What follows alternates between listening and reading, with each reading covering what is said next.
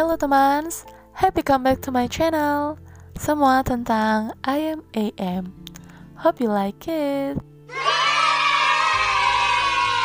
Halo teman-teman semuanya, ya balik lagi ya kan kita di podcastnya semua tentang AM yang kali ini bakal nge-review film oh no kemarin episode kemarin kita emang udah nge-review film dan kali ini kita bergeser sedikit ke drama ya. Drama. Nah di sini dramanya aku spill dikit nih. Dramanya itu nggak ada romantis romantisnya dan kisaran episodenya 12 episode. Udah pada nggak belum? Ini drama apa? Oke. Okay. aku kasih tau aja ya. Kalau gitu ini dramanya adalah Through the Darkness. Oke, okay, drama dengan genre yang bukan yang pasti bukan romantis ya nih crime sama thriller gitu ya kan.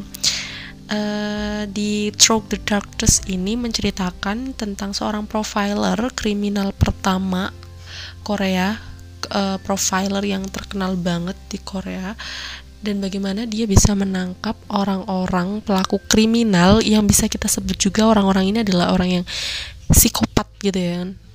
Uh, pokoknya tingkat kriminalitasnya tuh di luar logika lah gitu. Di luar perasaan lah gitu ya. Nggak masuk akal gitu. Nah di drama ini tuh tayang pada bulan Januari sampai bulan Maret di 2022 ini. Dengan berbagai macam aktor dan aktris yang bisa dibilang uh, dingin-dingin kayak es batu yang mau mencair gitu ya. Karena memang ini genrenya bukan genre romance gitu ya. Ada Kim Nanggil Kim Namgil ya kan? Aktor Korea udah senior gitu di sini berperan sebagai Song Hayong atau sebagai profiler itu. Dan kemudian ada Jin Son Kyu atau di sini berperan sebagai Kapten Gok Yong Soo, kaptennya dari Song Hayong, kapten dari analisis perilaku kriminal, dan ada juga detektif di sini ya diperankan oleh Kim Soo Jin, detektif perempuan yang berperan di sini sebagai Kapten Yon Tae-go atau Kapten Investigasi Kejahatan Kriminal seperti itu. Nah di drama ini diceritakan ada enam psikopat. Bayangin dalam satu drama ada enam psikopat dengan tokoh yang mirip karena ini memang based on true story ya teman-teman.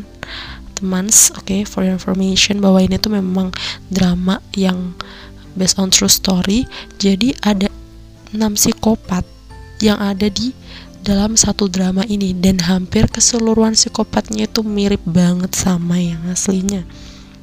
Bisa semirip itu kalau misalnya teman-teman ada banget foto-fotonya bisa dicari dan itu mirip banget sama yang ada di drama ini. Tapi yang uh, mungkin yang perlu dikaji lagi itu ada satu kasus yang ini memang belum tahu apakah ini memang benar ada atau enggak ya kan?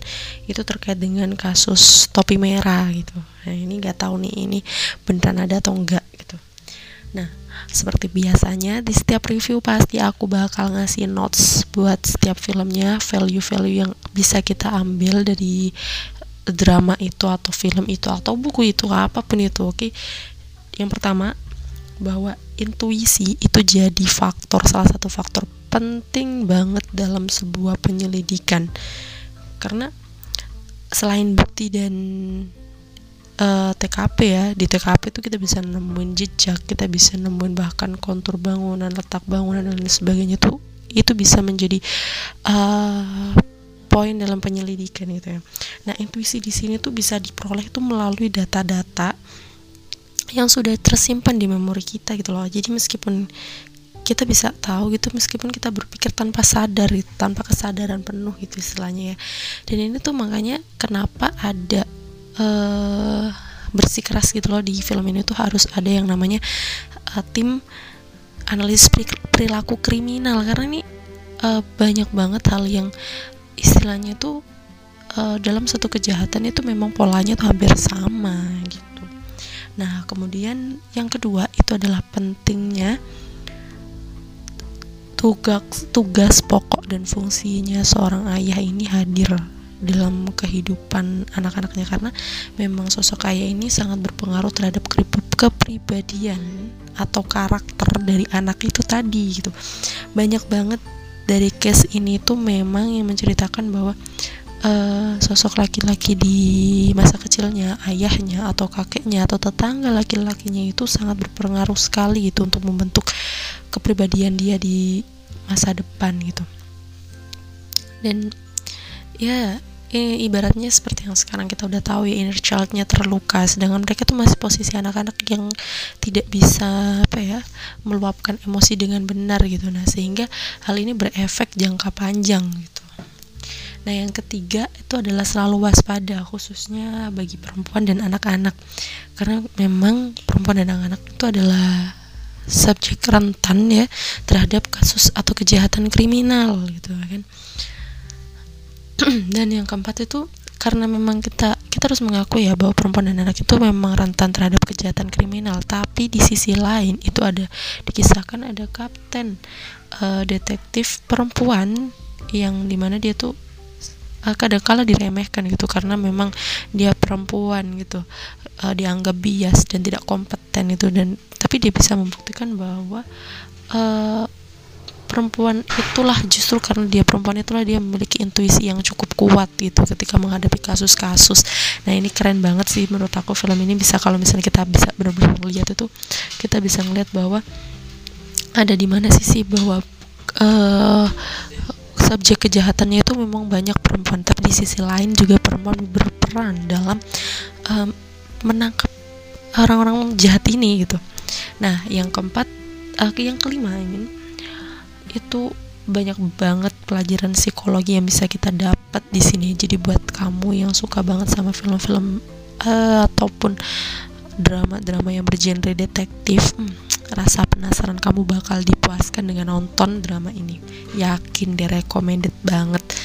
Nah, jadi buat aku sendiri nih ya, aku sendiri tuh buat nonton ini tuh secara maraton kayak misal aku nonton drama Korea pada umumnya itu tuh rasanya tuh berat banget karena menurut aku setiap kali aku nonton drama tuh selalu berpikir gitu jadi kayak apa ya itu tuh terbawa gitu loh pikiran-pikiran tuh tuh terbawa gitu sejak saat itu aku jadi kayak ngerasa wah I love my curiosity gitu. Aku suka kekepoan kekepoan aku terhadap sesuatu gitu. Aku jadi ngerasa aku merasa apa ya jiwa-jiwa kepoku tuh kembali lagi gitu hidup lagi gitu kepo terhadap banyak hal lah gitu.